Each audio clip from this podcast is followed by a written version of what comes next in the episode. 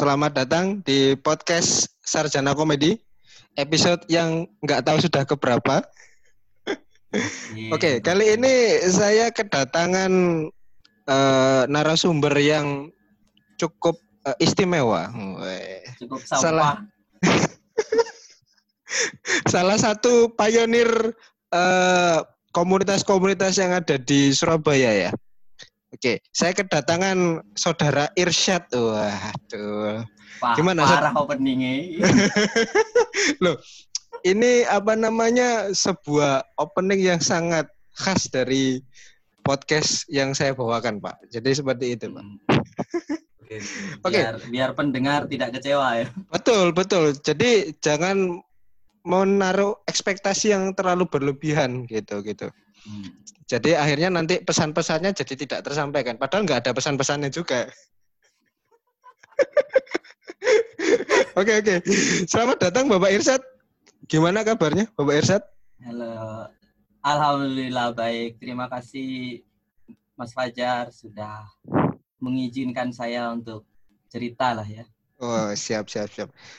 Oke, jadi eh, kalau boleh tahu, eh, saya manggilnya apa ini? Bung, Bang, Mas, apa Kakek Bapak? ini? Oh Buyut ya. Oke oke. Jadi saya manggilnya Bro Irsat aja biar lebih Oke. anu. Oke. Nah, Bro Irsat ini eh, sekarang kegiatannya apa kalau boleh tahu?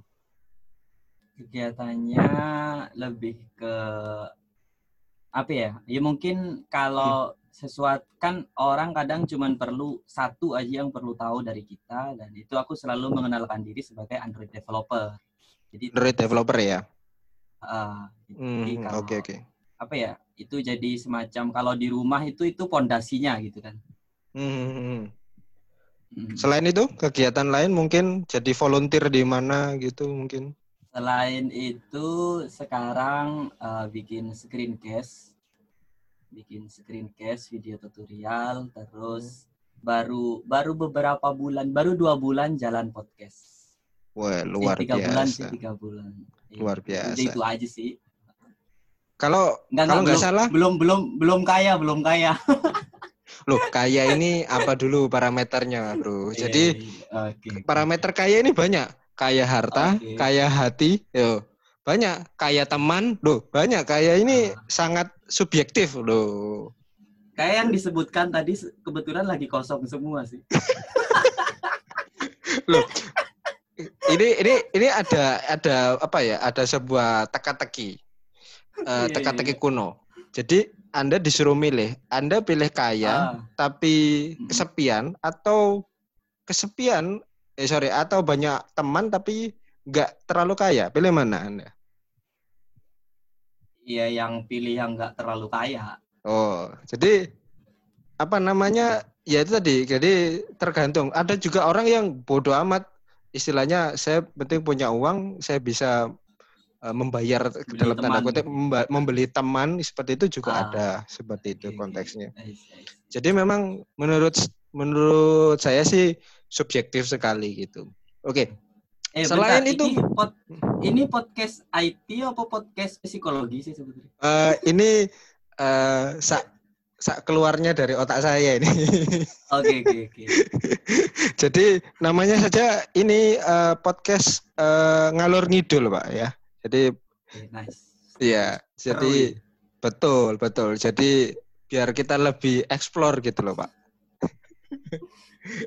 oh iya, selain eh, Bro Irsat ini sebagai apa tadi eh, Android developer, aktivitasnya itu mungkin jadi pembicara di mana gitu mungkin sering ngisi acara di mana gitu.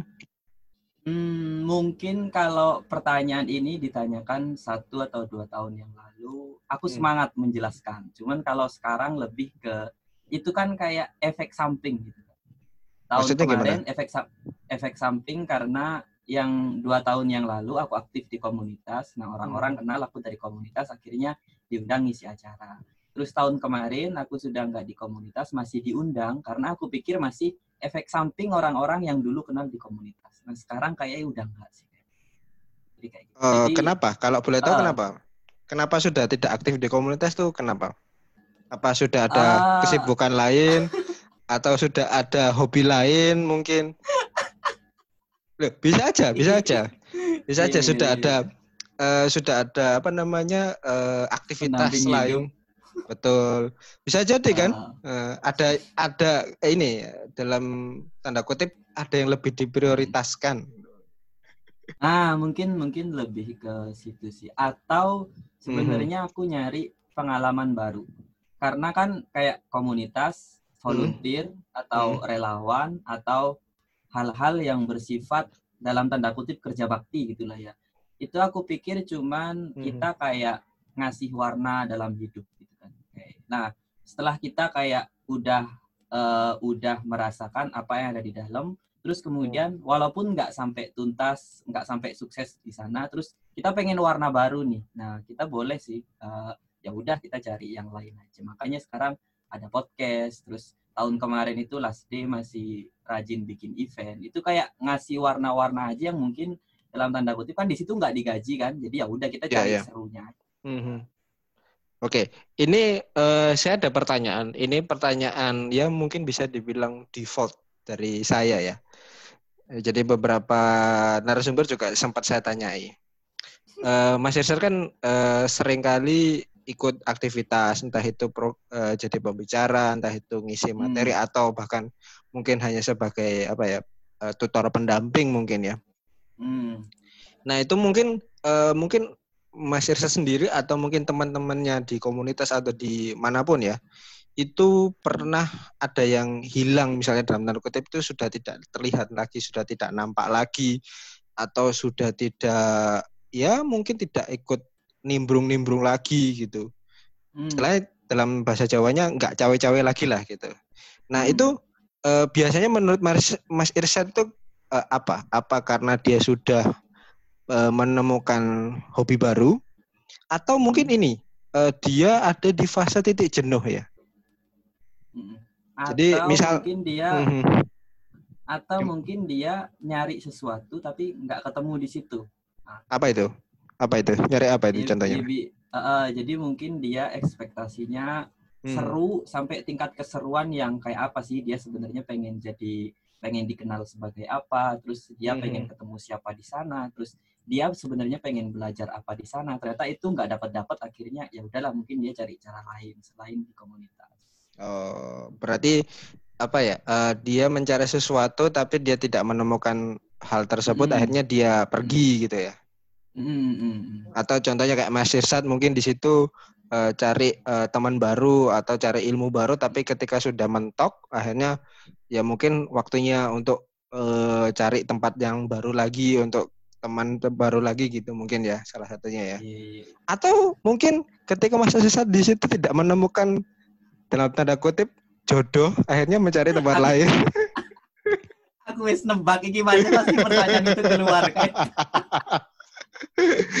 kan. Jangan- loh, jangan jangan salah mas. Eh, Hmm. Di beberapa apa namanya beberapa individu itu memang ada yang punya Mm, punya motif seperti itu ya. Ini Iya, tidak iya, bisa iya. disalahkan mm, mm. dan Jadi tidak bisa menjadi. Hmm. Gimana gimana? Ah, itu nggak nggak itu nggak salah sih memang karena kan memang kalau tujuannya ke sana tapi dia tetap kontribut di komunitas dan berperan apa yang dia lagi perankan ya udah nggak apa-apa sih lah dijalani aja kan. Mhm. Nah ini pertanyaan menarik karena pertanyaannya kan kejadiannya kan udah. Jadi Iya, iya. mungkin kalau aku ditanyain waktu di komunitas ditanyain Mas Irsad, eh Mas Irsad udah nikah apa belum? Oh belum. Oh jadi sekalian di komunitas dari jodoh kan pasti kayak kita mengelak kan Iya iya Nah, iya. iya. kalau waktu di sana. Tapi kalau sekarang kalau ditanyain, ya mungkin kalau dijawab apa adanya. Ini dapat dari kemarin sempat ngobrol masalah ini sama teman. Mhm. Terus ya obrolan cowok kan kadang ada ceweknya jadi konten gitu kan. Betul Nah, betul terus, betul. eh, terus teman saya bilang kalau ada cewek terjun ke komunitas, terus posisinya dia lagi jomblo, nggak ada tujuan lain selain dia cari jodoh. Nah, Iya itu iya kan iya dari iya, iya. da- da- da- dari cewek kan seperti itu. Kalau eh, cowok apakah iya? Mungkin iya. Apakah Mas Irsad dulu pernah nyoba di komunitas? Pernah nyoba tapi nggak berhasil. Ah, jadi. Uh, dan kejadian itu mungkin bisa dibilang sesudah sih, sesudah di komunitas. Jadi mungkin uh, nyobain di komunitas kemarin ada manfaat ke situnya nggak sih? Jadi dicobain ketika udah nggak di komunitas. Takutnya waktu di komunitas malah ngerusak uh, apa ya momen kita waktu di komunitas. Jadi itu dikerjain sesudahnya. Sama kayak kita pernah SMP dulu, terus habis yeah. itu kita pernah suka sama cewek di SMP. Nah, kalau aku jadi orangnya, aku mending deketin dia ketika udah lulus SMP gitu loh, Mas. Oh, I nah, see, takutnya, I see. Uh, uh, takutnya aku ngerusak waktu momenku di SMP itu. Jadi kayak gitu. Soalnya gini, Mas Irsat, uh, hmm. saya nggak ngerti ya, maksudnya, tapi saya sering kali ngelihat ini, ini terjadi. Nggak, ini kan part of introduction ya, bagian dari hmm, iya, perkenalan iya. ya. Jadi berhubung oh, introduction ya, berat. Iya, berhubung Mas Irsa ini kan dulu apa ya dalam tanda kutip sering uh, aktif di komunitas-komunitas di Surabaya hmm. kalau nggak salah ya. Itu di kota-kota sekitar juga ya di Sudarjo, Sudarjo ikut kan ya kalau nggak salah ya. Sempat aktif juga ya. Sudarjo. Sebenarnya Sudarjo enggak, cuman aku deket sama pengurusnya itu aja jadi kelihatan kayak sering. Nah, kata-kata deket itu menjadi sebuah pertanda atau bumerang, Mas? Hmm. Nah, iya sih, jadi iya, iya. ya benar kan ya, benar ya. Hmm. Jadi karena gini, uh, sering kali ini aku nggak ngomong uh, semua, hanya oknum ya beberapa. Hmm. Jadi menyalahgunakan, bukan menyalahgunakan ya, bisa dibilang apa ya? Bahasa kerennya itu tebar pesona ya mungkin ya. Oh, I see, ya benar. Jadi mungkin ya, ini ini contoh ya, contoh aja ya. Ah. Misalnya Mas Irsat ini ah. sebagai uh, pembicara atau narasumber uh di uh, diundang di sebuah kayak apa ya, istilahnya workshop ya workshop uh. terus ada beberapa panitia yang ya dalam tanda kutip itu uh, open minded oke okay, gitu kan ya oke okay, dan open minded ya dalam tanda iya, kutip yeah, yeah, yeah, yeah. Uh, terbuka uh. ya terbuka dan ya bisa masuk ke situ dan dieksekusi hmm. kan hunus ya maksudnya yeah. gokil ya Ya ini soalnya uh, beberapa temanku juga ada yang melakukan cara yang seperti itu gitu. Mm-hmm. Jadi sambil menyelam minum sirup. mm-hmm. Jadi bisa, seperti bisa. itu. Nah, oke. Okay. Berarti uh, sel- selama ini Mas Irsat selain jadi ya tadi um, bikin screencast, recording, bikin materi, hmm. terus apa namanya aktif di komunitas. Nah, pertanyaan saya kenapa sekarang kok nggak pernah aktif lagi di komunitas? Apa memang sudah waktunya vakum atau lagi bosan aja atau gimana? Hmm, nggak nggak ada yang ngundang aja sih. Udah nggak laku lagi. kenapa kok sampean bisa berpikir uh, kok nggak laku itu kenapa? Hmm, sebenarnya ketika udah keluar dari komunitas, kayak dulu waktu di komunitas bukan bukan berharap ya, tapi lebih ke hmm. siap-siap persiapan. Jadi ketika di komunitas kita dari satu kampus ke kampus lain, terus aku kebetulan jadi leader, jadi ya mempersiapkan diri untuk undangan. Jadi bukan berharap sih mempersiapkan kan. Kalau dilihat performance, apalagi off air kan kita fisik harus siap, materi harus ya. siap, terus yang baru-baru harus siap. Nah, jadi lebih ke siap-siap. Ketika keluar dari komunitas, aku uh, bukan apa namanya ketika keluar dari komunitas gimana ya bahasanya? Aku berharap itu hmm. mungkin terjadi tapi tidak intens. Kalau aku udah jarang kelihatan, kan ya. Nah ternyata waktu hmm. tahun kemarin masih ada, ya udah aku jalanin yang ada sebisa mungkin. Cuman sebenarnya kan kayak gini kan, bagi kita yang orang IT yang komunitasnya sedikit lah yang kayak bener-bener dapat di naungan corporate atau kita bilangnya CSR kayak Facebook, kayak Google itu kan cuma ada dua komunitas yang yang lain kan semuanya kayak ya udah kerja bakti aja. Jadi mm-hmm. kalau seru dijalanin, kalau enggak kayak dikerjain. Jadi kita enggak bisa berharap itu menjadi sesuatu yang dibayar dalam tanda kutip. Oh, Jadi kalau okay. kita enggak menemukan sesuatu yang kita harapkan orang biasanya turun. Nah, misalkan hmm. satu dua kali orang itu biasanya semangat. Itu tadi bisa tebar pesona, bisa dia cari panggung biar ada sesuatu yang diposting di sosmed. Sebenarnya itu akan berdampak di satu dua kali pertama. Selanjutnya baru kita nyari why-nya kenapa. Kenapa kita harus melakukan ini terus-menerus. Kan kayak gitu kan. Ya, itu ya, berat ya. loh sebenarnya. Kayak kayak kita cuma ngomong 90 menit atau jam setengah, cuman persiapannya bisa lebih dari seminggu nyiapin Betul, materi betul, gitu kan. betul, betul sih. Kalau kita kenapa kita harus berdiri di sana gitu kan. Sedangkan mungkin bisa aja cuma nasi kotak, bisa aja cuma Hmm. terima kasih. Ya, itu kenapanya. Nah, akhirnya Oke. setelah ketiga kali, keempat kali baru pertanyaan itu akan hadir ke orang-orang yang akhirnya mungkin orang-orang sekarang yang dulu pernah ada, dulu sekarang nggak ada lagi mungkin karena itu. Mungkin loh ya, nggak tahu. Iya, iya, iya. Oke, oke. Hmm. Menarik, menarik. Nah, eh, nyambung ke pertanyaan tadi. Eh, s- gimana sih maksudnya eh, orang itu bisa ke- dalam tanda kutip ya keluar ya? Kan tadi sempat ngomong Hmm. keluar dari komunitas. Sedangkan Hmm. gimana ya bilangnya ya? Kalau kalau keluar dari grup misalnya di di di Telegram atau di sosmed yang lain, ya leave grup gitu kan masuk mas- Nah, masih biasa. make sense ya. Tapi kalau Nah. grupnya ini sifatnya kayak apa ya? Tidak tidak ada bentuknya gitu. Itu gimana ya? kata-kata keluar itu saya juga masih bingung. Itu satu. Nah, kedua, ini apa ya, kalau kita ngomong eh, IT ya, software engineer ya, majemuknya ya. Itu kan rata-rata mayoritas orangnya itu introvert ya. Nggak semua Hmm. tapi mayoritas Hmm. introvert. Nah, orang introvert itu ya kita tahu sendiri, nggak apa ya? Bukan tipikal orang yang dalam tanda kutip mudah bergaul dengan orang baru, terus kedua Hmm. itu gampang diajak ngobrol soal apa ya? Istilahnya mudah untuk cari bahan lah seperti itu. Nah, Hmm. menurut sampean nih Mas, dari dua pertanyaan tadi, itu pengalaman sampean gimana tadi? Soal Kalau kelu- per- yang eh, keluar itu yang gimana? Ma- turun, Konteks yang keluar, keluar tuh tadi itu ya. Eh, karena mereka karena menurutku ya orang itu memang mungkin bisa bilang dengan alasan yang umum kayak biar bisa bermanfaat bagi banyak orang kan gitu kan.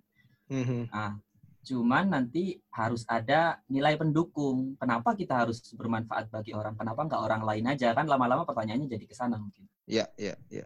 Nah, pada akhirnya ketika dia merasa harus mengisi acara walaupun nggak di komunitas, yang itu dia bisa bermanfaat buat orang, tapi dengan melakukan persiapan semacam itu, dia akhirnya pekerjaan utamanya menjadi terganggu, yang Hmm. di mana dia menjadi kebutuhan dia, terus di sana dia juga pastinya bermanfaat buat orang lain, karena kan klien juga orang lain kan bisa aja kan Ya, ya, dari ya. klien dia bisa bisa apa dia bisa di share mungkin manfaat aplikasinya buat orang banyak atau dengan dia serius di pekerjaan dia dia bisa naik karir dia bisa naik karir dari project Hmm, leader ya, yang ya, di mana ya, ya. dia bisa membawai orang-orang di kantor tersebut menjadi eh, tim yang lebih baik jadi aku kira bermanfaat buat orang lain jangan cuman strict kita untuk kegiatan sosial aja buat Oh, kita menjadi oke. project manager yang baik di perusahaan dan kemudian klien klien semua perusahaan senang dan orang lain di luar sana mendapat manfaatnya itu juga menjadi orang yang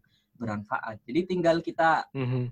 Setir aja di drive aja kita itu bisa nggak sih double double job gitu istilahnya ya. Bisa di luar bisa di dalam. Kalau nggak bisa di luar di dalam ya udah kita pilih aja di dalam aja itu kan lebih baik maksudku kayak gitu. Oke, oke. Nah, Terus, untuk pertanyaan ah untuk pertanyaan yang kedua masalah introvert. Masalah introvert ini kalau aku dengerin podcast, lihat YouTube, versinya beda-beda. Ah, jadi yang aku tangkap introvert itu adalah orang yang nggak bisa memulai yang tidak bisa bergaul, bukan berarti tidak bisa ngomong, kan gitu ya. Yang pertama. Oke, Ah, oke. terus habis itu introvert itu biasanya dia tipe orang yang mendominasi Maksudnya dia gimana tuh? tipe-tipe ah, mendominasi itu adalah orang yang harus bisa terpancing dengan topiknya dia. Jadi kita Mhm. bisa ngobrol lama sama seseorang karena topiknya klik. Oh. kalau- Kalau nggak klik, ah, tipe-tipe introvert akhirnya ketika nggak klik dia menghindar atau males. Beda Oh, sama berarti extrovert. Extro. berarti jadi kalau- apa ya? Khusus ya, linear gitu ya orangnya modelnya. Nah, ya? linear. Jadi kenapa kok orang-orang di luar orang-orang pembicara lah, pembicara lah, kita nggak bahas peserta ya. Kenapa Ya. pembicara atau orang-orang di komunitas itu bisa tahan lama? Karena memang di sana cuma satu topik sebenarnya. Seolah-olah mereka Oh, kayak iya, iya. jadi orang bisnis, jadi pembicara, jadi orang sosial. Padahal enggak. Mereka sebenarnya duduk dengan satu topik yang sama dengan pekerjaan mereka tiap hari di kamar. Jadi sebenarnya Jadi nggak ada yang hmm, berubah hmm. sebenarnya Cuman kelihatannya kayak oh dia orang sosial. Oh Mas Irsad itu rajin komunitas. Oh Mas Irsad bikin podcast. Enggak juga, karena yang dibahas di podcast, di komunitas, di screencast, modding itu itu aja sebenarnya. Kita belum pernah ngebahas tentang kedokteran itu gimana, itu apa kan jarang dibahas. Iya iya iya. Kita seolah-olah jadi iya, iya. sosial padahal enggak sebenarnya. Iya iya ya. masuk akal masuk akal. Soalnya Ah, eh apa ya? Kalau kalau saya lihat ya, ya meskipun saya itu cuman jadi silent reader ya, Mas ya. hmm, Di, di beberapa grup di entah itu di sosmed mana pun ya. nah, hmm, Apa ya? Kalau kita masuk ke sebuah grup ya, misalnya ekspektasi kita kan memang ya ya memang kita mungkin nggak tahu ya, masing-masing orang punya ekspektasi berbeda-beda. Tapi Hmm. ya tadi misalnya contoh nih, saya masuk ke grup eh, tentang eh, web programming misalnya. Nah di situ ya wis sampai kapan pun ya yang dioprek ya web programming kan ya mas ya. Kita kan nggak mungkin Hmm, bisa hmm. berharap di situ bahas tentang project management atau mungkin hmm, eh, apa ya ngehandle eh, junior dev itu gimana kan nggak mungkin ya. hmm, Kecuali ada apa ya sesi khusus mungkin atau mungkin bahkan mereka akan bikin grup sendiri untuk bahas hal yang seperti itu ya. Iya iya iya, benar benar. Ya ya. Soalnya kan Atau apa ya? Ah, eh, apa ya? Ah. Aku yang bisa lihat dari dari di kacamata aku sendiri ya. Banyak nah, banyak teman-teman itu ya mereka secara hard skill itu jago memang. Yang ngoding, Hmm. ya bikin apps itu kayak kayak kayak gini dok. Itu udah jadi gitu appsnya kayak main sulap gitu. Tapi giliran mereka disuruh mendemokan atau mempresentasikan apa yang mereka sedang kerjakan, sebenarnya itu mereka tuh kayak kayak kayak kesusahan gitu gitu. Jadi apakah ini menjadi korelasi dari keliniaran tadi? Apakah Mhm. ini memang apa ya, hanya sebuah habit yang perlu dilatih saja atau gimana? Kalau menurut sampean gimana? Ini lebih ke mungkin lebih ke habit yang perlu dilatih aja. Karena kasus kalau dulu di kantorku itu kayak gini. Jadi dulu itu waktu ada masalah, ada Mhm. beberapa developer ketika meeting itu diem. Jadi diem karena apa? Karena di sana ada klien, ada bos, atasan atau orang non non IT. Oke, sorry, Atau tak potong mas. itu Itu itu kapan? Itu sam, itu kejadiannya kapan? Kalau boleh tahu? Udah ketika lama di kah? software house udah tiga tahun yang lalu. Oke oke, monggo monggo dilanjut. Tiga tahun ya, oke. Nah, terus habis gitu itu ketika nggak ada klien atau bos, tapi di sana masih ada orang lain, itu tetap eh, developer ini tetap diem. Jadi yang vokal tetap project leader gitulah ya. Oke. Sampai suatu ketika apa yang terjadi sebenarnya istilahnya backstage atau di belakang panggung ketika kita cuma ngumpul sama project leader atau developer. Nah, programmer ini akhirnya ngomong. Jadi masalahnya itu apa? Dia ngomong. Nah, jadi balik lagi ke yang tadi tentang introvert. Jadi Iya iya iya. introvert itu benar-benar tidak suka sih, bukan tidak bisa. Seandainya mereka ngomong di depan Ah. bos atau klien, dia bisa. Sebenarnya, Iya, iya, cuman mereka nggak mau melakukan itu. Yang dia mau adalah ngobrol sama orang-orang yang biasa ngobrol sama dia. Sehingga Oh. pertanyaan yang berpotensi mereka nggak suka itu mereka menghindar dari situ. Ketika ngobrol sama project leader, developer, junior, senior biasa, semuanya keluar bahasa teknis keluar, Hmm. bahasa non teknis keluar, itu Iya, keluar. Jadi kalau selama mereka merasa tidak ada kebutuhan untuk sampai ke tahap project leader, project manager, mereka akan tetap menjadi seorang developer introvert. Bukan introvertnya mungkin, tapi developer yang introvert. Karena ketika mereka Mhm. ngopi ya bercanda sama juga, kan kayak gitu. Ya ya ya ya, make sense. Iya masuk akal sih. Tapi apa ya? Kalau kalau seperti itu berarti kan apa ya? Mereka itu kayak kayak menghambat diri mereka sendiri nggak sih, Mas? Maksudnya gini, eh, gimana dia bisa masuk ke karir yang lebih tinggi ketika dia sendiri eh, tidak bisa mengupgrade skillnya gitu. Jadi nggak nggak nggak nggak dapat apa skill yang yang istilahnya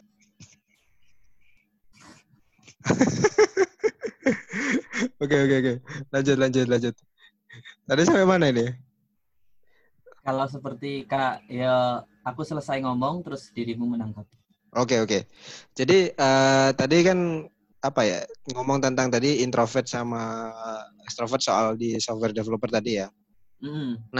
Tadi itu eh, gimana caranya si software Developer. engineer itu tadi itu bisa scale up di sementara itu adalah bagian dari upgrade skillnya mereka. Mm. Jadi misalnya tadi ya kayak kayak eh, present ke customer atau ke klien, Hmm. tapi mereka tidak punya eh, apa namanya kepercayaan untuk menjelaskan atau entah itu me- me- menyampaikan apa yang harus disampaikan gitu. Nah itu kan kalau kalau secara tidak langsung kan mereka kayak mem- membatasi mereka diri Hmm, mereka sendiri hmm, hmm. gitu. Yes, nggak sih? yes, yes, benar. Benar. Jadi apa ya kalau bisa dibilang sih entah karena mungkin merekanya sendiri yang sudah ada di zona nyaman mereka yang tidak mau berkembang Ah, atau ya ada alasan lain kan kita juga nggak tahu ya. ah. Nah itu itu repot juga karena saya tuh punya eh, beberapa kolega juga di di tempat lain itu sampai Hmm. usia kepala empat ya mereka itu masih masih segar bugar untuk me- istilahnya menyimpan potensi atau tidak mau berkembang di tempat lain gitu dia masih ibaratnya jadi kata dalam tempurung gitu Iya, iya, iya. iya. saya nggak ngerti apakah ini sebuah eh, bentuk kekurangan ya atau memang Eh, mereka ya kontribusinya sampai kapan pun ya di situ gitu. hmm. Kalau menurut sampean nih, apakah sampean ini selamanya akan menjadi Android developer? Pertanyaannya ya. Atau sampean akan scale up di tempat lain atau mungkin ya banting setir atau apa yang yang menjadi keputusan Anda mungkin dalam ya mungkin lima tahun mungkin Sebenarnya kalau menanggapi yang tadi awalnya, ya ya orang-orang kayak lebih kok bisa lebih banyak orang yang nggak mau skill up. Ya. Sebenarnya kalau eh, aku akhirnya gini sih, aku nyimpulin bodoh-bodoh aja ya, bodoh-bodohan secara bodoh-bodohan gitu kan. oke Karena memang pada faktanya kalau kita Hmm. kita melihat sekolah di sekolah itu pasti dengan satu kelas ada satu guru dengan banyak murid. Oke Kalau kita melihat public figure itu public figurnya satu, followernya banyak. Jadi Hmm. kenapa leader itu tetap sedikit? Ya karena memang seleksi alam secara defaultnya kayak gitu. Nggak bisa orang kalau orang-orang semua skill up, semua jadi pemimpin kan pengikutnya siapa gitu kan. betul betul Uh-uh, jadi mungkin ya kalau kita merasa ada tugas untuk men-encourage mereka menjadi leader itu tidak masalah. Yang masalah ketika kita memaksa banyak orang menjadi pemimpin. Nah, itu yang yang mungkin yang masalah kan di situ. Itu menjawab yang pertama tadi. sih. oke oke Nah, menjawab pertanyaan yang nomor dua, sebenarnya kalau mau dibilang akan selamanya ngoding gitulah ya, karena sebenarnya Hmm. nggak ngoding Android juga sih. Android itu Android developer itu lebih ke apa ya? Titel titel kalau bahasa artisnya titel panggung gitu loh. Jadi Terus- kita harus Kita harus punya satu personal branding yang menurut kita paling kuat di mana tuh. Terus kita kalau Ah, istilah oke. istilah Cinanya paling paling cuan di mana tuh kan gitu kan. oh oke Eh, karena Ya, kalau ya. aku kenalan sebagai podcaster juga, ya podcast apa juga yang mau di, dijual apa, terus yang mau dijual dari diri kita apa, terus nilai kebutuhan untuk kita apa di sana Hmm. kan belum dapat. Jadi mending aku masih lebih nyaman Android developer karena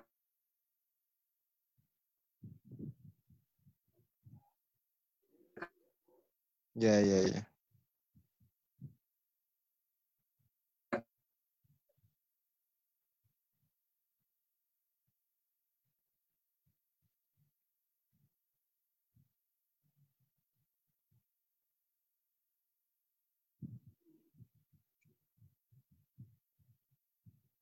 yang terus habis gitu dalam keluarga ada orang-orang lain. Nah, dalam satu keluarga itu perlu satu tulang punggung. Nah, tulang punggung untuk mereka tetap hidup semua. Nah, sampai sejauh ini tulang punggung yang bisa menghidupi podcast, menghidupi HD itu adalah sebagai Android developer. Sampai kapan Android developer itu akan aku lakukan selama dia masih masih mempunyai peran satu-satunya sebagai tulang punggung dalam keluarga. oke oke Filosofinya Menarik, agak berat ya.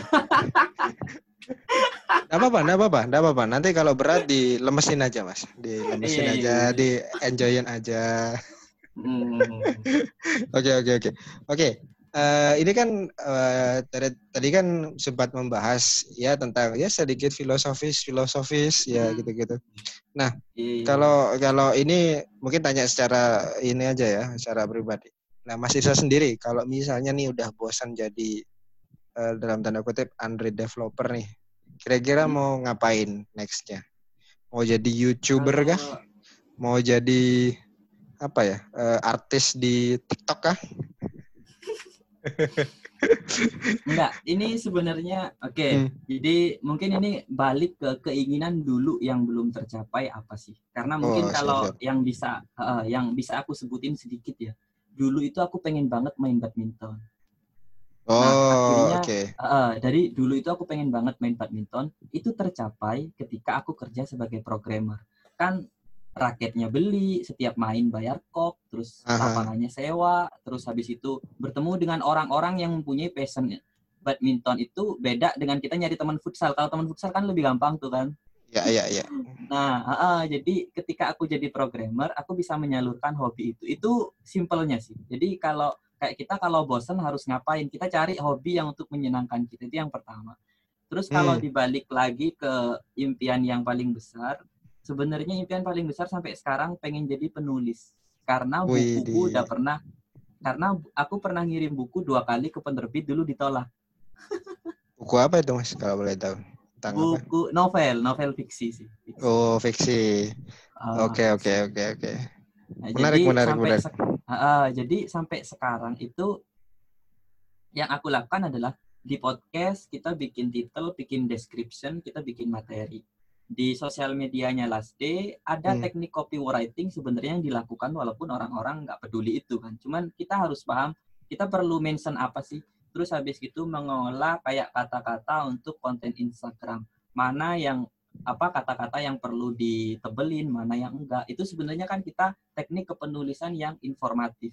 Jadi sebenarnya kayak kalau dulu mungkin aku nggak ada kepengen jadi penulis, mungkin melakukan hal itu menjadi sesuatu yang berat. Nah, karena dulu aku Hmm. pengen jadi penulis, itu adalah menjadi sesuatu yang seru.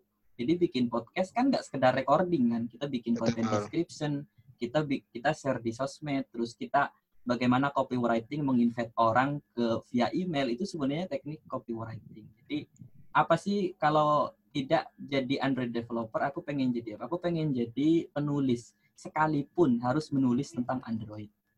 Yang penting nulis. Oke, oke. Hmm. Oke, menarik, menarik, menarik. Jadi eh, lebih ke arah penulis ya?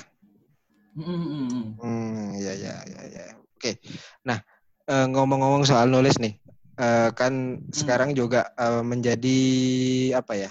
eh, konten creator juga di Last Day ya, kalau nggak salah ya Hmm. namanya ya. Nah. Yes. Di Last Day kan istilahnya kan nge-screen cast terus Hmm, hmm. jual tutorial dalam bentuk DVD ya. Hmm, hmm, hmm, hmm. Nah, video lah intinya karena ya video lah formatnya vid- video. Oke. Nah, pertanyaan saya nih, seberapa efektifkah bela- orang ini belajar menggunakan media video menurut sampean? Apakah Hmm. eh, karena gini apa ya kalau kalau kalau menurut saya sepengalaman saya saya yang mengajar itu Hmm. padahal kan banyak tuh tutorial di YouTube atau di mana pun yang berseliweran entah Hmm. itu yang berbayar atau Hmm. gratis tapi nggak Hmm. sedikit pula orang yang kebingungan mengikuti tutorial itu entah itu karena faktor bahasa atau mungkin faktor apa pun lah gitu. Nah, kalau kalau menurut saya sa- sampean sebatif gitu.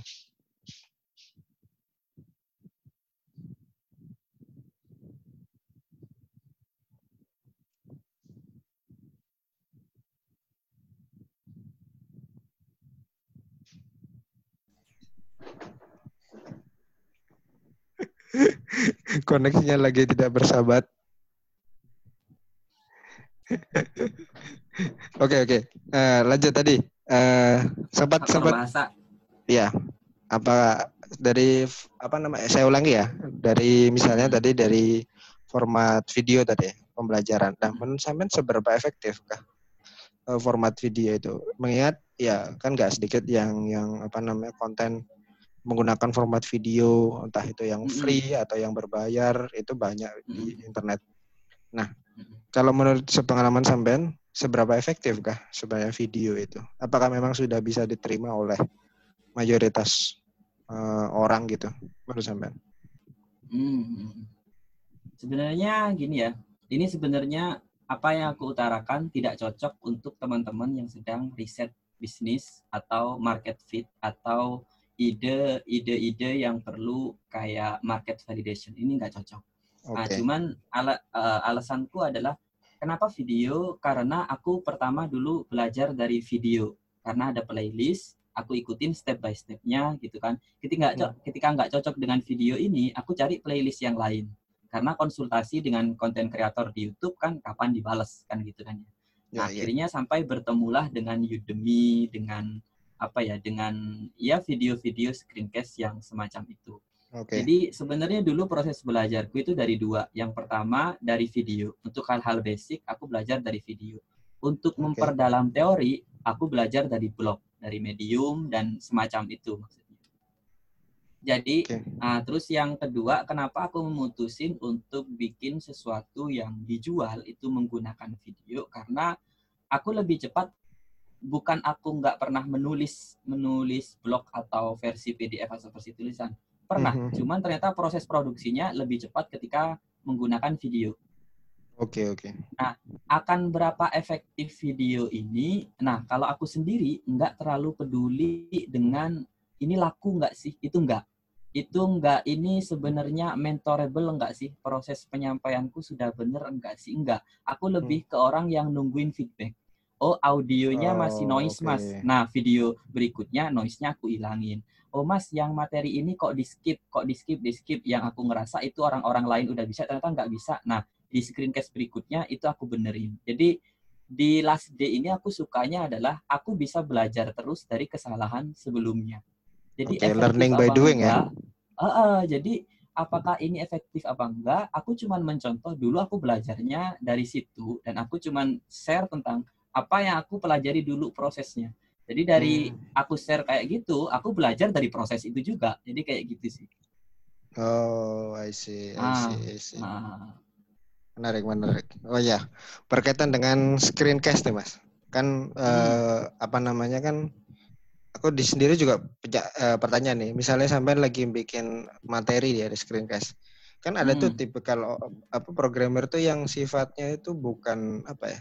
Menghafal semua code one by one mm -hmm. line per line gitu ya dia harus kayak yeah, yeah, yeah. copy paste gitu terus uh, uh. apa namanya masukin terus ngerubah-ngerubah variabel ya istilahnya dia tuh cuman uh, apa ya hanya ingin mengingat mana yang harusnya menjadi yang perlu aja, bagian-bagian hmm. yang terpenting aja.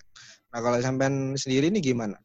Apakah ketika uh, sorry, apakah sebagai programmer itu harus menghafal juga gitu di di di apa namanya sebelum recording Jadi itu kayak ini untuk udah disiapin dulu catatannya tinggal nulis ulang. apa untuk yang lain juga? Atau memang sudah aja, disiapin screencast aja. Screencast atau aja. di hmm. pause pause nah, gitu sebenarnya kalau screencast itu mudah sih karena aku yang lama biasanya proses ngoding atau bikin projectnya ya.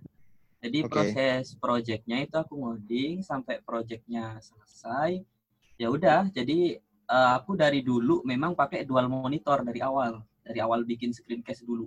Oh, nah, oke. Okay. Jadi ya, jadi mungkin kalau teman-teman ngelihat di YouTube itu ada kayak tutorial bikin screencast, tapi dia kayak cuman pakai satu monitor aja mungkin ada. Cuman aku memang dari awal udah mindset ini harus uh, harus ada yang ada yang dikerpe.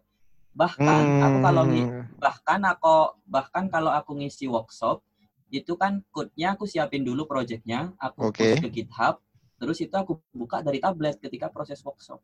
Oh, I see, I see, I see. I see. Uh, jadi memang dari awal lu tadi setup se-easy itu mungkin. Iya, iya, iya. Soalnya kan rada nggak make sense ya kalau kita misalnya harus mengingat semua yeah. hal. Ya, ya, ya. Ah. ah. Ya, ya, ya. Soalnya apa ya ya apa ya nggak nggak semua orang itu bisa mengingat semua hal A sampai Z hmm. itu ya hmm. masuk akal masuk akal hmm. oke oke oke jadi ya itu tadi jadi ada hmm. alternatif lain kalau teman-teman memang screennya cuma satu satu laptop aja bisa code-nya di push dulu aja kita buka pakai HP itu yang aku lakuin di workshop oke okay, oke okay.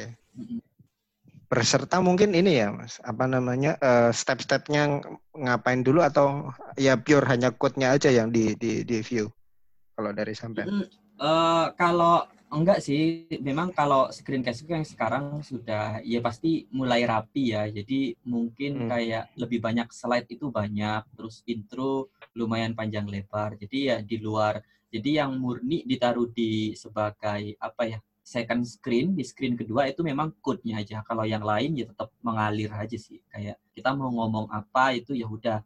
Bahkan ada teman yang sampai kayak intro-intro kayak gitu ditulis di kertas. Cuman aku enggak sih, udah biasa sih kayak opening pidato, opening pidato gitu ya udah sudah, yeah. mengalir iya. udah itu-itu aja. Oke, oke, oke. Menarik, menarik, menarik. Jadi ya ini mungkin salah satu apa ya?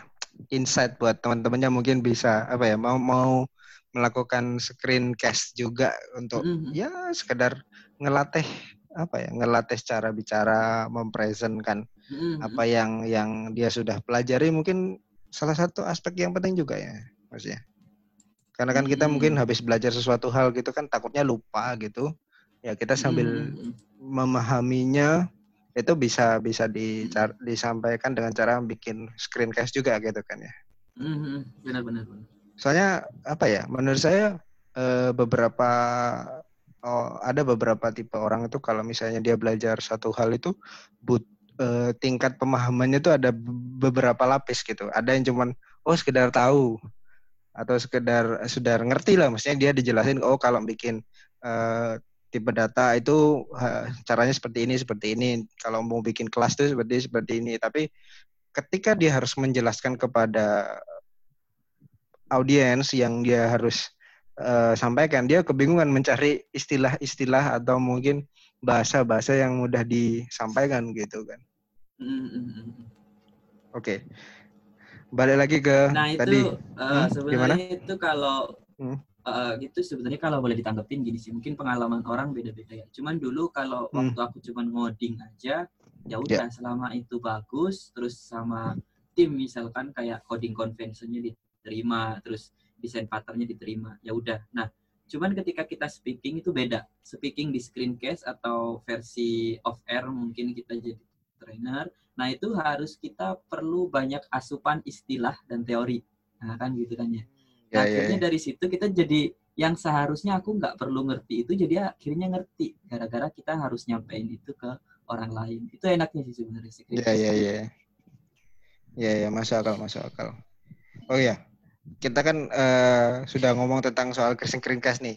Balik lagi nih soal iya, iya. ya pribadinya Bro Irsyad ini deh. Saya tidak menyebut ya, Anda sendiri yang berucap ya barusan. Yeah. enggak, enggak. Ini kan uh, kalau sekarang kan berarti kan Bro Irsyad ini kan enggak enggak ikut atau tidak menjadi karyawan di salah satu perusahaan mana pun ya. Istilahnya kan memang ah. uh, istilahnya apa ya freelance atau ya wira swasta sendiri gitu. freelance atau wira swasta kan hitungannya kan ya. Iya, iya, iya, ya. lebih enak freelance. Nah, pertanyaan saya kenapa uh, Bro Irsat ini memutuskan untuk freelance? Apakah memang sudah apa ya uh, niatan dari awal atau memang ketidakcocokan atau ada hal lain gitu? Hmm. Sebenarnya kayak gini ya, mungkin hmm. ini jawabannya apa kembali ke kayak apa ke filosofi lagi mungkin. Wih. Jadi kayak gini. uh, gimana? Seti, setiap setiap orang itu sebenarnya punya sisi idealis kayak gitu. Okay. Ya. Jadi sebenarnya uh, nggak ada orang yang nggak punya ide yang pengen mandiri itu nggak ada sih pasti ada cuman nanti ya. kita akan berbenturan dengan kepentingan orang lain dan kebutuhan orang lain pada akhirnya yang akhirnya kita harus meredam ego kita oh kita harus kerja aja kita harus uh, full time dari worker aja untuk sesuatu yang lebih baik karena kita kan punya skala prioritas mungkin yang punya keluarga yang perlu nyekolahin adiknya itu akhirnya lebih aman untuk kerja di perusahaan. Nah, bisa jadi kasusnya misalkan kayak gitu kan. Nah, kalau aku kebetulan aku termasuk anak yang anak bungsu. Jadi anak terakhir. Oke. Okay. Hmm. Korelasinya apa jadi tuh? Enggak, jadi nggak ada jadi nggak ada tanggungan aku harus membahagiakan adik itu nggak ada mungkin ya mungkin kayak gitu karena okay. teman-temanku sebagian kayak gitu sih harusnya nyekolahin adik oh. jadi kayak kalau uh, jadi misal nih kita mhm. nggak perlu ngebahas belum belum ke topik berikutnya nih. Jadi kalaupun aku nanti mengambil sebuah resiko, terus aku yeah. kesusahan di situ. Nah susahnya itu masih buat aku aja, belum ada orang yang kena impactnya. Nah dari okay. dari sudut sudut pandang yang seperti itu, kayaknya aku bisa nih coba nih, coba dulu nih, gitu kan. Jadi selama impactnya itu aku tidak merugikan orang lain, merepotkan orang lain, nggak sampai yang apa pinjem ke kakak terus habis itu nggak dibalikin nggak ada isu-isu tentang keuangan gitu lah nggak mengganggu orang lain itu nggak apa-apa nih bisa dicoba jadi dulu motivasinya cuma itu aja sih sebenarnya oh nggak ada yang disusahin yeah, lah yeah. jadi kan memulai itu dulu bener-bener kayak bener-bener sendiri jadi ngontrak sama teman-teman malah jadi kayak biaya bayar kontrakan masih urunan malah jadi masih sedikit uh, nggak besar jadi startnya memang dari kita yang kalau orang bilang sekarang itu anak indie gitu kan. nah, anak jadi indie. kebutuhan uh, anak indie yang kebutuhannya setiap hari cuman kopi hitam tiap pagi. Ya kan kan ada istilah kayak gitu. betul, nah, betul, jadi betul, dulu betul. Uh, jadi aku dulu memulainya kayak gitu dan keterusan. Karena apa? Karena tolak ukurku standarku dulu kecil. Aku pokoknya sebulan bisa dapat UMR cukup dan standar itu sampai berlaku sampai sekarang sih sebenarnya. Jadi kalau aku udah dapat kayak UMR kayak orang-orang, ya udah udah cukup. Kalau lebih itu bonus gitu loh mas. Menarik, menarik, menarik. Jadi uh, tentang gimana cara kita me, apa ya melihat kebutuhan kita juga gitu kan ya mas ya. Uh, bener bener. Uh, jadi pastikan kita punya standar seberapa nih. Kalau kita yang nonton tiap hari, setiap hari di cafe yang kita dapat habis 200 ribu beda beda lagi jadi hmm. itu mungkin yeah. Ya. uh, dia akan kesusahan startnya startnya yang susah nanti nah, jadi orang kan memutuskan untuk freelancer entrepreneur dia tahu profit yang dia tuju nah tapi untuk sampai ke sana interval orang beda-beda ada kurun waktu yang dihabiskan ketika dihabiskan yang dia yang menjadi tantangannya adalah lifestyle yang harus uh, mengikuti yeah, yeah. yang mengikuti standar dia pada saat itu yang sudah tidak standar lagi. Jadi kayak gitu. Nah kebetulan aku yeah. orangnya standar dari awal nggak tinggi, jadi ya cukup dapat UMR aja sebulan udah cukup. Jadi kalau kebetulan lebih ya udah itu bonus. Gitu. Sebentar, sebentar. Tadi tadi ngomong UMR ini UMR mana nih kalau boleh tahu? Surabaya lah Surabaya. Oh, saya kira kan meskipun tinggalnya di Surabaya, oh UMR mana? UMR DKI Jakarta. Oh, ya ya ya. Enggak lah, di sini soalnya nasi pecel yang lima belas ribu ada. Oh. ya ya ya ya. Menarik menarik. Soalnya kan gini, uh, kalau kita lihat trennya sekarang nih banyak banyak anak-anak yang katakanlah fresh grade ya. Wah, aku ya. habis lulus langsung inilah uh, bikin startup, entrepreneur. Ah. Uh, saya mau mengcreate uh, apa ya? sebuah sesuatu yang berimpact gitu. Mm. Sedangkan mayoritas banyak tuh, wah kamu itu harusnya kerja dulu di perusahaan, cari pengalaman mm. dulu, ya bangun koneksi dulu lah. Kalau menurut sampean nih, sebenarnya yang yang pas itu yang mana? Kerja untuk anak yang baru lulus ya fresh kerja, dia kerja dulu di kantor, ikut orang atau ya udah dia langsung nge-build startup dengan uh, segala macam dinamika yang dia harus jalani atau gimana nih sampean? Nah, ini sebenarnya aku bisa jawab dua versi. Ini bahkan aku dapat dari talknya Nadiem Makarim. Bahkan Nadiem Makarim pun ketika talk kapan hari itu umur dia ada di angka 34 tahun. Dia bilang angka hmm. sukses entrepreneur rata-rata dunia berada di angka 40 sampai 50 tahun. Okay. Jadi sebenarnya Nadim pun di luar mereka. Jadi Nadim termasuk orang yang luar biasa dalam tanda kutip gitu ya. Nah, okay. jadi kalau teman-teman sudah tahu hal itu, berarti dibutuhkan experience yang lumayan panjang agar kita benar-benar settle dengan mindset. Jadi mindsetnya dulu kan settle kan. Yeah. Nah, kalau kita memulainya buru-buru yang nggak stabil itu sebenarnya pikiran kita yang nggak stabil. Bukan tentang, bukan karena power karena power anak muda pasti banyak. Cuman masalahnya uh, daya jangkau pemikiran mereka belum sampai seperti orang-orang yang jadi entrepreneur sukses sekarang. Cuman kalau dari aku hmm. pribadi, balik ke yang tadi, setiap orang punya idealisme, setiap orang punya ide, setiap orang pengen berdiri dengan di atas kakinya sendiri. Ketika kalian merasa pengen create sebuah startup atau pengen eksekusi ide, karya apa pun, kalau itu momennya pas, tidak merepotkan orang lain, tidak mengganggu orang lain, langsung digas aja. Kenapa? Karena mungkin momen itu cuma datang waktu itu aja. Ya, ya, ya, ya, ya. ya. Uh, Kesempatan tidak datang dua kali ya? Tidak datang dua kali, bisa jadi tahun depan. Ini mungkin aja ya. Mungkin ya. waktu itu kalian masih sendiri, udah lulus kuliah, udah hmm. nggak ada tanggungan bayar SPP, nggak ada tanggungan cicilan motor, belum bayarin uh, uang belanja di rumah. Ya udah digas aja. Mungkin tahun depan kalian nikah, nanti mindsetnya beda lagi tuh. Jadi kalau hmm, waktu itu ya, ya. inilah saatnya, ya udah digas aja dulu. Karena dari situ nanti kayak apa ya kalian pernah punya sebuah mimpi yang pengen kalian coba entah tercapai apa enggak akhirnya bisa menjadi menyesal karena itu tidak pernah dicoba hmm, menarik menarik menarik hmm. oke ada lagi mungkin tambahannya tadi uh, udah sih jadi mungkin okay. dulu aku termasuk orang yang kayak strict harus uh, bikin startup sampai titik darah penghabisan ternyata pernah dicoba yeah. cuman nggak sampai titik darah penghabisan loh ya cuman akhirnya uh, oh ternyata aku lebih cocok jadi konten kreator aja mungkin. Uh. Awalnya Android developer dibuat dibuat sebuah konten ya udah itu aja ternyata udah cukup dan uh, bisa mencari kesibukan yang lain kayak podcast ini dan mm. lain sebagainya itu aja ternyata udah cukup. Kalian akan setelah kalian idealisme kalian akhirnya cuman uh, akhirnya cuman mencari sesuatu yang cukup mungkin kecukupan kalian harus ada investor, berarti kalian harus kejar itu. Kalau aku kebetulan enggak sih, kan gitu maksudnya. Ya, ya, ya. ya. Oke, oke, oke. Oke, nah ini pertanyaan, mungkin pertanyaan terakhir nih.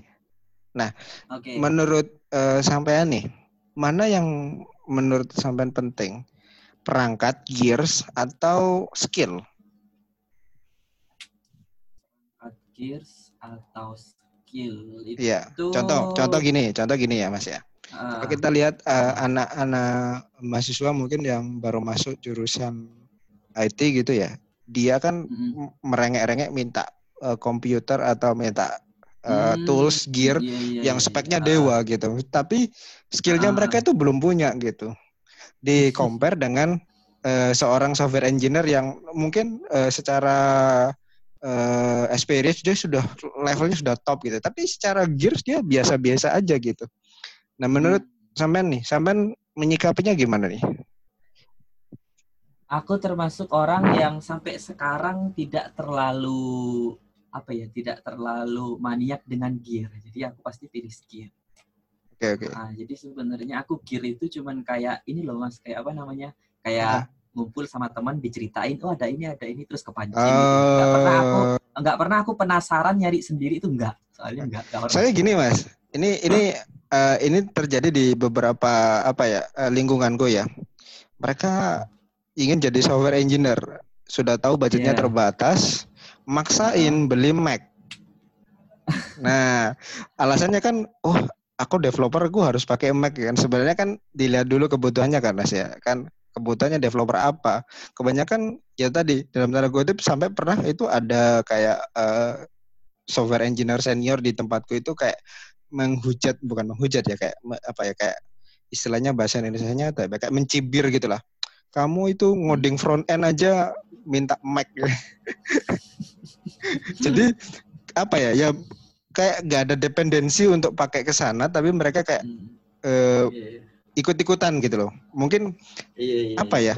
Apa apa media ya kita yang salah gitu terlalu menginfluence orang untuk wah kalau software developer tuh harus pakai Max bro kalau kerja. Tapi kan hmm, iya, iya, apa ya, stigma ini loh sering kali itu kayak uh kayak terjadi terus sering kali orang itu malah oh berarti kalau saya itu mau jadi developer software developer berarti tools atau gears berarti saya harus pakai Mac gitu untuk untuk untuk ngod untuk ngoding gitu. Iya. Uh, itu gimana cuman sampai? Kalau uh, kalau bahasanya sampai ke situ, mm -hmm. aku lebih setuju eh, orang-orang yang berusaha untuk mencapai sesuatu yang membuat mereka bangga. Nah, kalau Maksudnya aku tuh? sendiri, nah, misalkan ada nih programmer temanku kan, yaitu Ya. pakai laptop yang yang dia pakai laptop dari dari zaman dia kuliah masih dipakai sampai sekarang. Ah, Terus ah, ah. coding bertahun-tahun dipakai buat apa? Dia suka otomotif. Ah, Oke. dia pengen, ah, dia merasa bangga kalau dia Mhm. bisa mengupgrade motornya daripada laptop. Nah, jadi kayak kayak gitu. Jika Ah, oke ada oke. seorang pro, jika ada seorang programmer yang dia itu Ya. cuman ngodingnya mungkin HTML, CSS aja yang spek nggak besar, dia pengen Ya. MacBook.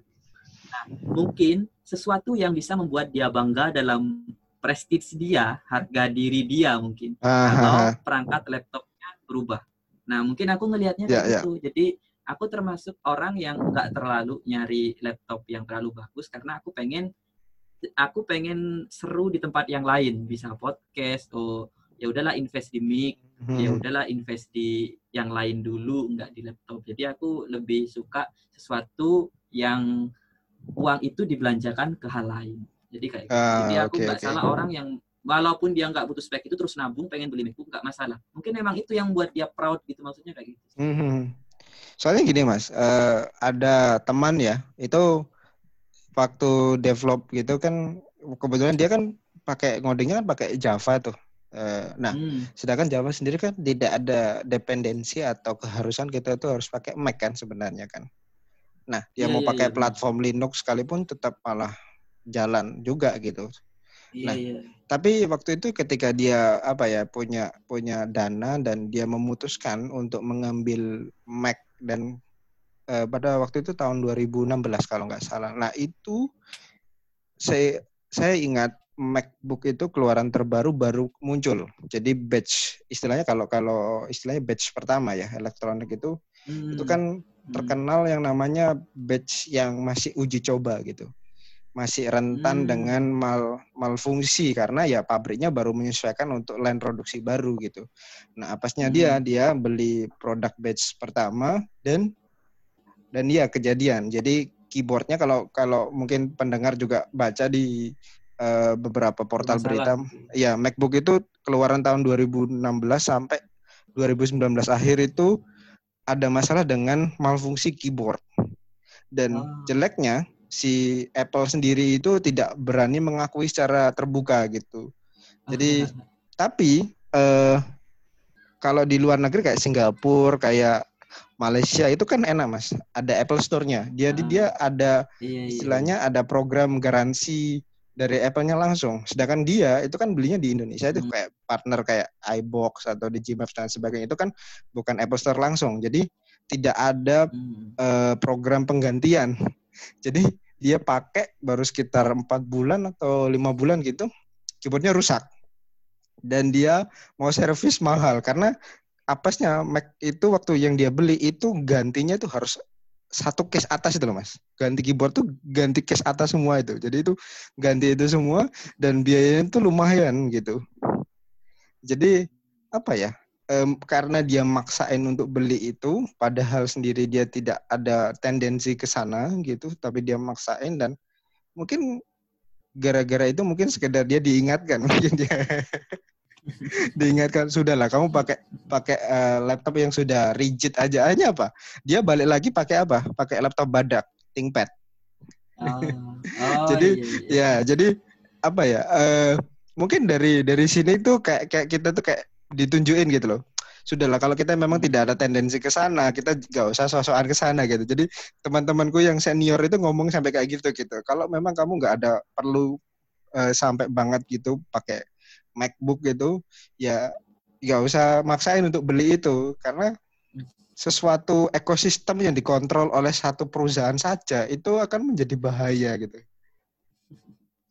Dan aku Iya, aku ngerti itu karena bahkan kalau kita tahu Mac ya eh, dari semua perangkatnya dari eh, hardware, software itu dikontrol oleh satu perusahaan saja. Hmm. Jadi Apple kalau Apple mau decide untuk atau mutusin untuk aku mau bikin perubahan yang kayak gini yang radikal. Nah, orang mau bisa apa gitu. Kan ya kita sebagai user kan ya ya wes pasrah gitu. Ya kita kalau Oh. nggak mau ya nggak usah dibeli, kalau mau ya silakan dibeli. Beda kalau kayak Benar, contoh kayak Windows atau Linux ya. Hmm. Microsoft itu kan hanya ngeluarin OS-nya aja. Nah, sedangkan Nah. untuk OEM partnernya kayak eh, Dell, Hmm. Asus, Lenovo itu kan mereka punya kebebasan sendiri untuk men, oh saya mau pakai ini di hardware ini gitu. Ya, itu kan kebebasan sendiri gitu. kayak kayak Iya, gitu iya, kan iya. plus minus sayanya kan ya. Ah, Nah, plus minus. Jadi ya mungkin sering kali ya itu banyak orang yang maksain beli beli beli gitu. Soalnya aku juga pengen sih, cuman duitnya Iya. nggak ada. enggak kalau sampai ini prioritasnya yang lain. Iya, Prioritasnya untuk dibelikan yang lain ini.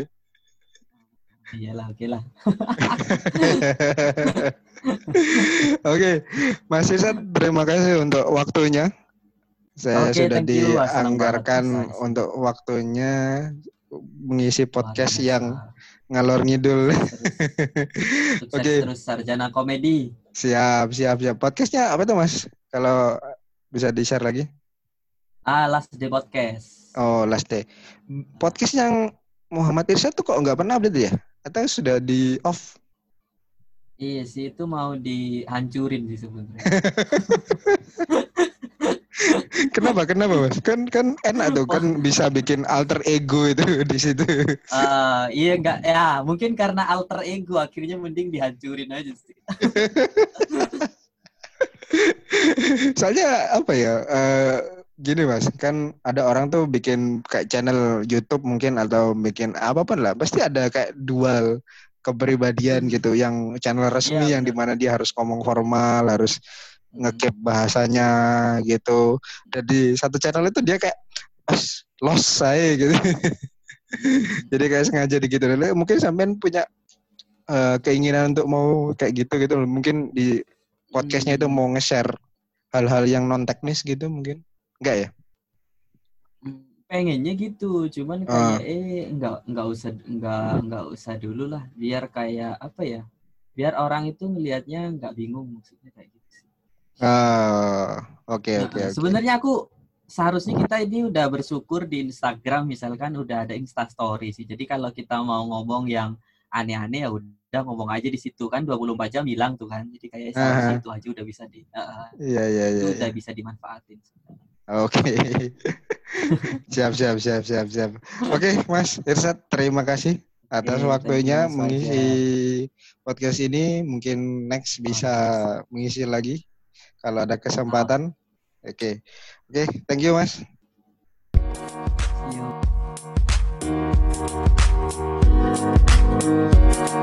you.